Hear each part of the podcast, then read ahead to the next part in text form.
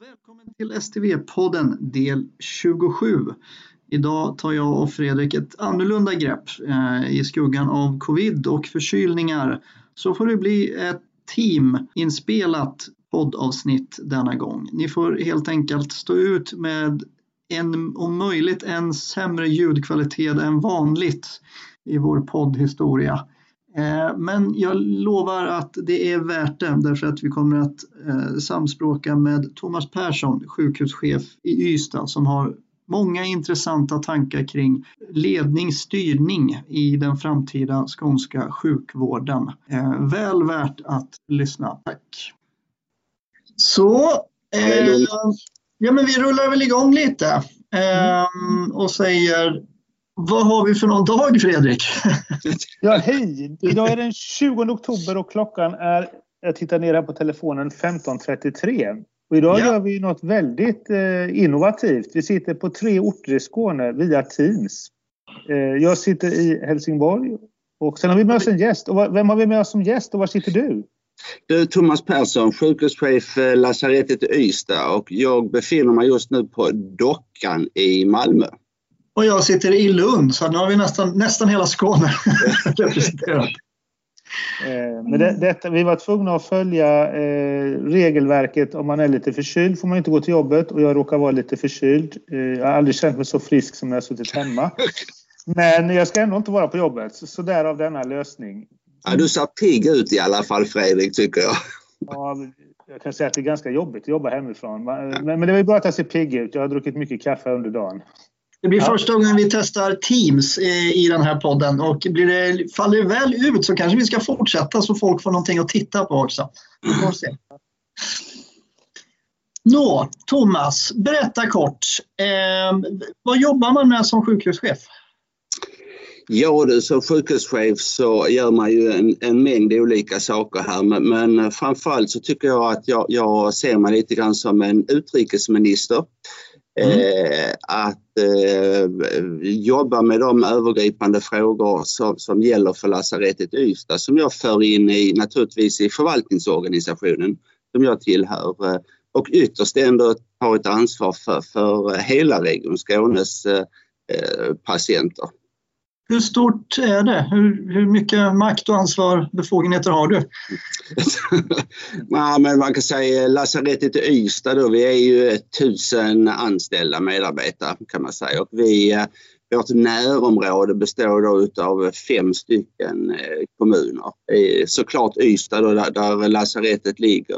Och sen har vi Tomelilla, vi har Simrishamn, vi har Skurup och Sjöbo.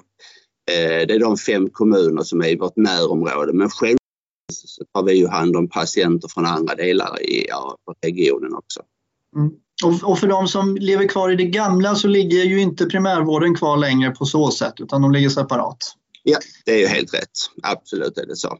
Men vi har ju ett jättenära samarbete såklart med, med primärvården och eh, kommunerna här mm. för att verkligen jobba med, med, med det som är vi pratar väldigt mycket om idag den nära vården här och att så mycket som möjligt ska ske så nära den enskilde som möjligt. Och då handlar det ju också om att vi börjar tänka nytt från sjukvården och fundera på ja, vad kan vi flytta ut och så från eh, sjukhuset till eh, andra nivåer eh, och så vidare. Mm. Och sen har ni ju Simrishamns sjukhus med som ligger nästgårds och där det sker ganska mycket patientflöden och eh, emellan. Ja men det är helt rätt. Du, du är bra och välinsatt Fredrik som vanligt här. Eh, Simrishamns eh, lasarett är ju det enda eh, sjukhus här som drivs av en privat utförare. Mm. Och vi har ett oerhört nära och, och gott samarbete med Simrishamn. Och det är, jag ska inte säga att det bara är tack vare dem men, men eh, de, de hjälper oss väldigt, väldigt mycket här och har inte gjort minst nu under hela covid-pandemin här. Där vi faktiskt också, som jag tycker är lite unikt, vi har lånat personal från, från Simrishamn som då är en privat utförare med kompetenser som har förstärkt upp på våra akutverksamheter på lasarettet i Ystad. Och de till och med de stängde ju sin akutmottagning här redan i mars månad och hade stängt fram till den var det nu sist eh, augusti eh, för att vi skulle ändra om eh, flödena här och använda våra gemensamma resurser på bästa tänkbara sätt. Här. Så det tycker jag faktiskt är lite unikt. Mm. Det, det, det, är ljuv musik inför det som komma skall kan jag ju säga. ja. eh, för, vi har ju, ni, ni är ju först ut i eh, en kontrollerad coronapandemi som STV ändå är någonstans. Mm. Mm. Och sen Nej, men det är sant. Vi har ju börjat, vi har ju börjat nedräkningen. Jag hade styrelsemöte i, i Ystad nu i, i hela förmiddagen. Eh, och Eh, hade en bild var ju naturligtvis STV här och då stod det 348 dagar. Och det är faktiskt 348 dagar till vi går live här. Eh.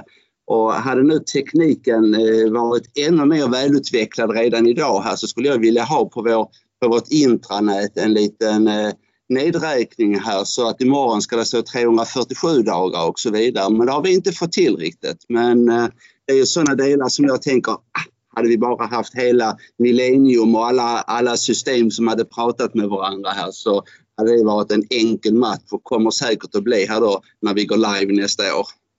Jag vet, jag vet inte sjutton om det. Jag blir lite nervös. Men jag kan berätta om en annan häftig funktionalitet som ja. räknar ner. Det är när man har tagit beslut om att patienten ska skrivas ut. Då mm. visar den sen hur många minuter över planerad utskrivningsdatum man har. Eh, minuter, antalet minuter över. Så, så, vi kommer ha lite koll om vi får eh, systemet chokar ihop av något skäl. Mm. Den nedräkningen kan jag bjuda på. Men jag mm. vet inte sjutton om dagnedräkningen. Nej, det, det är kanske inte den, den viktigaste parametern det heller har, har som uppföljning. Men, men sådana här delar som du ändå nämner att vi ska kunna jag tänker på eh, att ändå information ska vara samlat mer på ett ställe här och att vi ska få enklare att faktiskt kunna se sjukdomsmönster eh, och annat här på ett helt annat sätt än, vad vi gör idag. Det är ju definitivt sådana förhoppningar som, som jag ställer när, när vi eh, har, har gått live för en liten period. Mm. Tror du, eh, förlåt att avbryta dig Claes, men jag är snabbare. Eh, tror du man behöver leda sjukvård på ett annat sätt när man helt plötsligt får datan i så fall? Ja, det, är, ehm, det är en bra fråga. Jag, jag ehm, eh, vi hade, kan säga, sista månaden här så har vi faktiskt haft, det är kanske inte helt svar på din fråga, men vi har haft en del uppenbarelser hos oss vi, eh, med tanke på att vi ändå är först ut och det är vi väldigt glada och stolta över. Eh, jag tror att har väldigt goda förutsättningar att vara pilot. Trots allt så har vi alla specialiteter så på sjukhuset. Och sen är vi ju något lite mindre eh, än i alla fall Malmö-Lund och så. Så det är väl bra att vi, vi testar av. Men eh, uppenbarelsen som vi som, som, jag tänker inte nämna någon namn för jag vill inte peka ut någon. Men vi har ju olika, jag kan säga, vi har olika eh, mognadsgrader för att arbeta digitalt. Eh, eh, och de är inte helt och hållet relaterade till eh, hur, hur, gamla eller unga vi är. Nej, verkligen inte. Eh, för så är det här och den här mognaden och det här framförallt pedagogiken att kunna gå in och göra förändringar och så. Den tror jag i allra högsta grad är, är en väldigt viktig faktor som vi måste ta höjd för att jobba med på ett annat sätt. Och det blev också väldigt tydligt här när, när, vi, när vi gick in och började köra ett par av de här processerna, just pedagogiken att göra en förändring. Och det har vi börjat med nu, men jag tror också att vi, vi kommer att behöva ha ett, ett litet annat ledarskapstänk när vi faktiskt har gått live också. Eh, därför det här, det här som vi ändå står inför, det är, det är ett arbetsredskap för att göra ett förbättringsarbete på, på, på, många olika nivåer.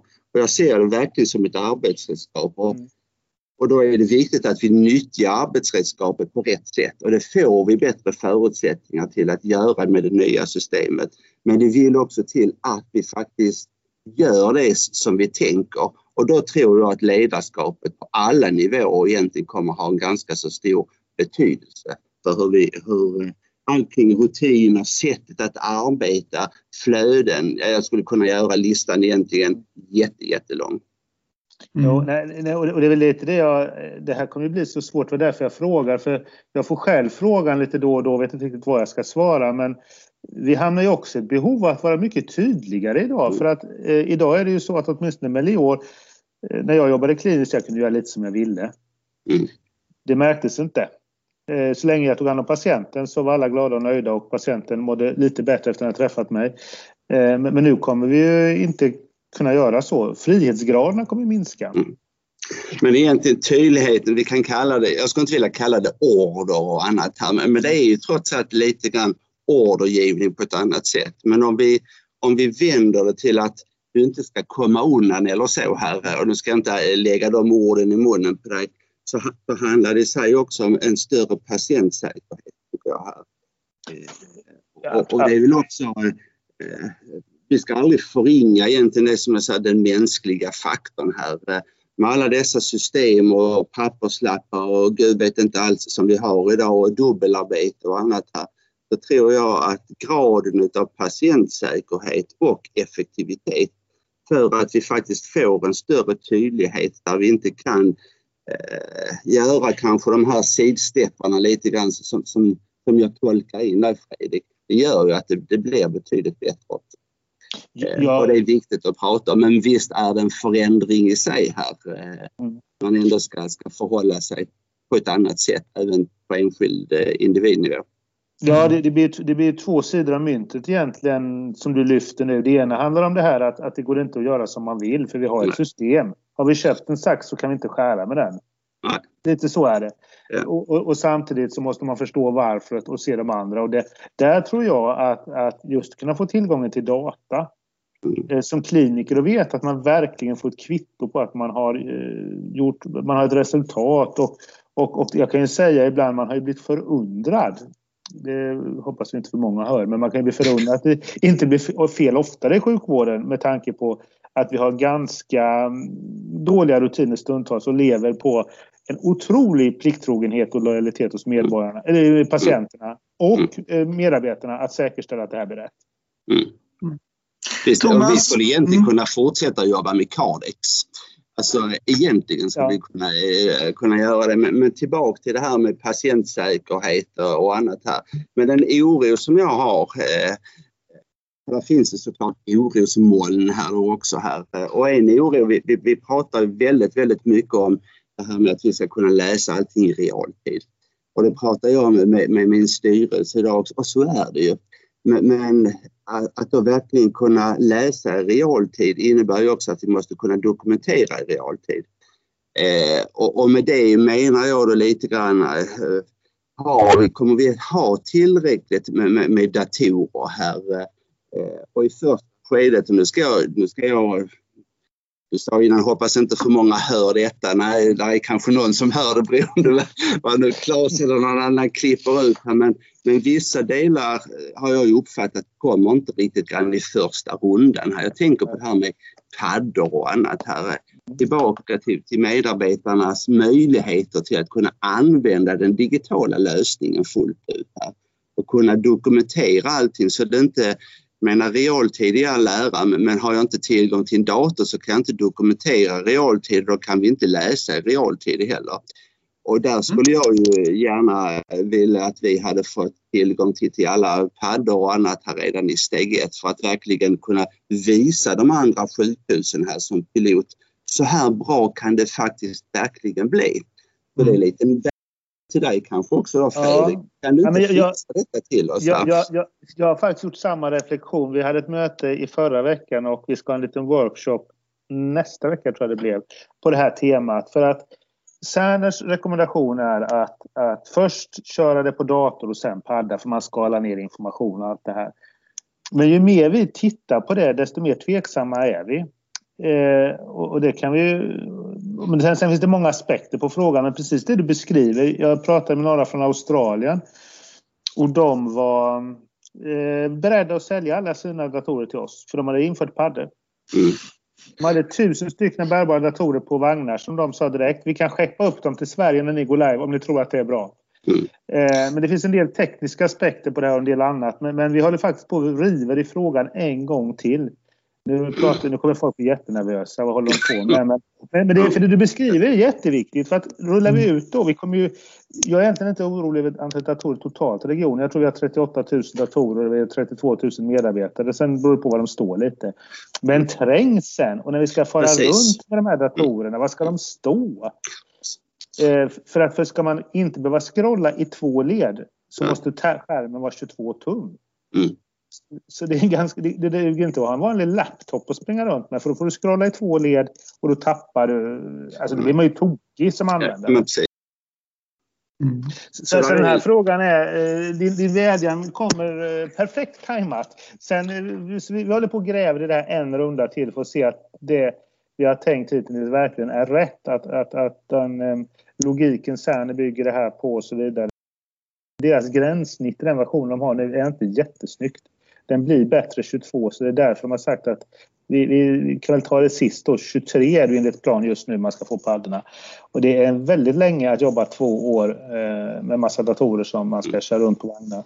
Men, men vi gräver i den så att den är jättespännande. Jag hoppas vi kommer kunna tillbaka till den. För, det, för, för om vi pratar om realtidsdokumentering men vi skapar inte förutsättningarna för det, då har vi inte vunnit någonting. Nej, precis. Thomas, nu vill jag fråga något. Du pratade förut om ni har börjat förbereda, ni är först ut. Mm. Vad, vad, gör man, vad gör du för att förbereda det? Hur ser du på tiden fram till live? Vi ska trycka på knappen. Ja, nej, när um, Alltså det har varit ganska så abstrakt för oss här eh, egentligen fram till, till dags datum här. Vi pratar om att vi ska behöva jobba på ett annat sätt och så här. Samtidigt har vi inte riktigt förstått eh, vad innebär ett annat sätt och så här. Men, men vi har börjat nu och, och skaka verkligen liv i våra utrullningsledare. Vi har eh, STV som ett eh, tema på varenda ledningsgrupp som vi har på sjukhuset.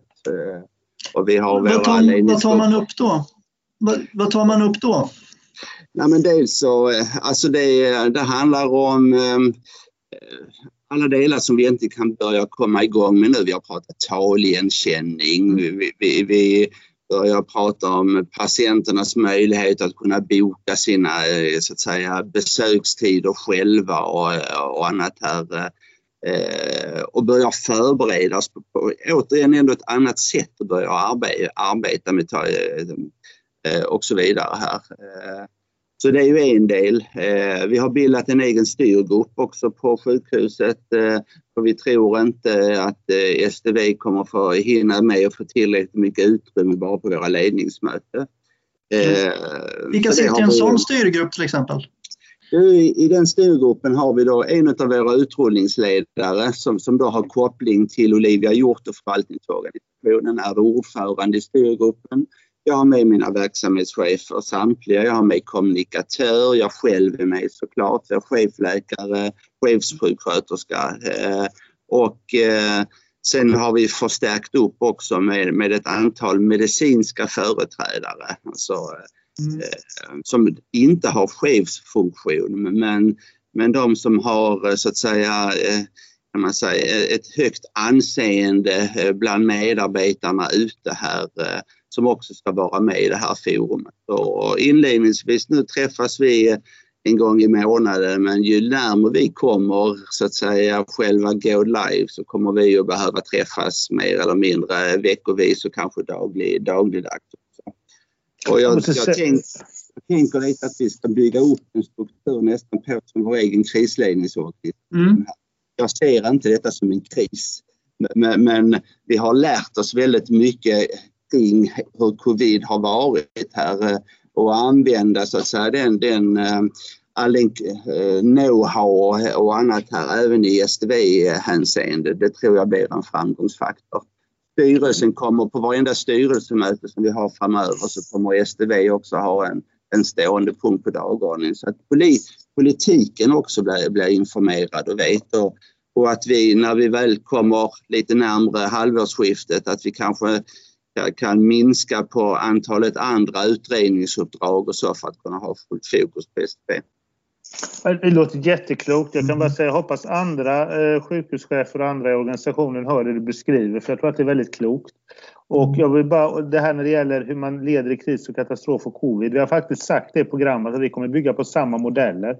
För de har funkat väldigt väl under covid, så varför? Vi är trygga med dem, vi får en annan tydlighet. Så att, så att äh, det eh, kul att höra, lite imponerande. Jag kan säga att jag får en liten klump i magen. för ja, Det gäller att vi från programmet matchar det här. Sen är man ju, eh, jag menar det här med tillgången till, till, till, till datorer eller utrustning, det är ju en del som, som faktiskt funderar väldigt mycket själv på.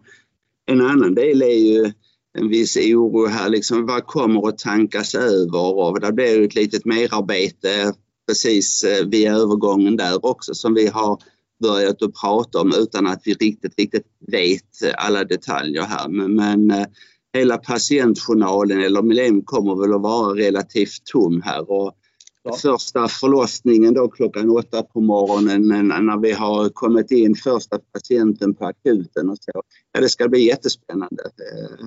Eh, och så vidare. Eh, sen kan man ju ändå säga att det här är inte en enda dag för sent. Jag tror verkligen på den nya tekniken här och och återigen möjligheten att, att kunna följa flöde och systematisera så att säga patientprocesser på olika sätt. Den tror jag jättemycket på. Eh, och sen kan jag vända på det och säga, kommer det vara tillräckligt hippt? För att använda det uttrycket här. Kommer det vara tillräckligt hippt? För. Alltså kommer hippt här, eh, jag, vet, jag tror inte det uttrycket finns med i Svenska Akademins ordlista, Claes. Mm. Men, men, men återigen, personer som arbetar här. Eh, och vi som har varit med ett tag eh, och så minns när, när vi har bytt system tidigare här och så vidare. Och några är lite äldre, sen har vi den yngre generationen som är van vid att bara jobba med appar och annat här och så pratar vi om detta revolution, revolutionerande system. Kommer det vara tillräckligt attraktivt och revolutionerande för alla? Mm, nej, det vet jag inte. Det är... Nej, det är, det är nämligen... Äh, layouten är inte, den är inte modern. Nej. Om jag uttrycker mig lite diplomatiskt i alla Nej. delar. Så, så, vi kommer ha alla de här utmaningarna äh, i kombination med, med våra olika vanan. Det kan man ju säga att Sverige ligger väldigt långt fram. Cerner, vår leverantör, har varit lite bekymrad att inte vi ska ha någon datautbildning i hur man sköter mus och skriver på tangentbord. Mm. Och där har vi sagt, nej men det behöver inte vi, är ni säkra? Mm. Eh, så, så, att vi har kommit mycket längre i Sverige och det gör ju att, att layout och annat, vi har nog helt andra krav än man kanske har eh, på den internationella marknaden. Nu kommer de göra en, en, en uppgradering men det är inte förrän 22 så att det, det kommer nog bli spännande när man får ut det här stundtals lite Excel-liknande layouten. Och sen har vi kopplingen, eh, vi, återigen, vi, vi kommer behöva jobba gentemot våra samarbetspartners som då inte är inne i systemet här och så. Så det blir ju en utmaning eh, för oss först ut här. Eh, och jag, jag säger så här, vi är inte färdiga förrän vi har med alla våra samarbetspartner i detta här och med alla menar jag även kommunperspektiv. Eh, eh, först då får vi den här sömlösa eh, kedjan, vårdorganisationen. Vi pratar om nära vård och återigen allt vad det innebär. Och då måste vi ha med även den kommunala hälso och sjukvården här. Det är min mission här. Det handlar inte bara om Region Skåne, det handlar om hela Region Skåne, vilket inkluderar de 33 skånska kommunerna och alla privata utförare. Det är, det är vår vision här, eh, om vi nu ska ha en sån här månlandning och annat här. Det är min månlandning med STV här och den vill jag baska mig vara med på innan jag går i pension. Det är, underbart att höra och du, kommer få vara med om den. Jag är övertygad. Eh, och, För du jobbar till 75 eller 80 det Thomas, eller hur? Jag vågar inte fråga hur länge Fredrik anser att jag behöver jobba. Nej, men du ser så ung ut så det kan inte röra sig om... Eh, så vi har gott om tid på oss. Eh, men det var väl 348 dagar, eller vad du sa, vi hade på oss nu här ja. tills vi ja. har månladdningen. Eh, jag tycker detta har varit otroligt mm. spännande att lyssna på. Jag har på väg att svara på en del av dina frågor, men jag tror jag ska avstå.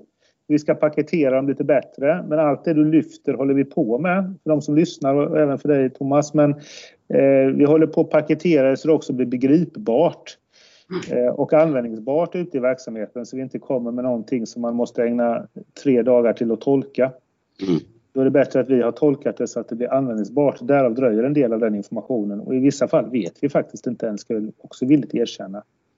Eh, men jag tycker att det har varit otroligt fascinerande att höra. Spännande. Jag tror vi ska få återkomma till dig dels med lite svar men också lite mera reflektioner när vi kommer närmare. För det här ger eh, både oss i programmet, det här samtalet, mycket. Och vi har en del lyssning inom programmet. Men jag tror också att detta är viktigt att höra för de som ligger utanför Eh, det absoluta månlandningen utan kommer sen med lite smålandningar mm. efter. Eh, jag vet inte, jag är på väg att avsluta nu hör ja. jag Claes. Eh, ja, det kanske jag, jag tror 30 minuter med den här ljudkvaliteten blir nog mer än nog för våra lyssnare faktiskt. Men vi, som sagt då Thomas, vi återkommer. Mm. Yep. eventuellt med en riktig podd. om vi inte får ut någonting av det här. Om inte annat så bara för att fortsätta att diskutera de här frågorna. För jag har massor med mer frågor att ställa till dig. Ja. Så att, eh, oerhört tacksam att du tog dig tid. Eh, och vi får återkomma. Vi ska följa dig nära. Jag bugar och bockar här, eh, absolut. Tack själv för samtalet. Tack så mycket. Tack, tack. Hej då. hej, hej. hej, hej.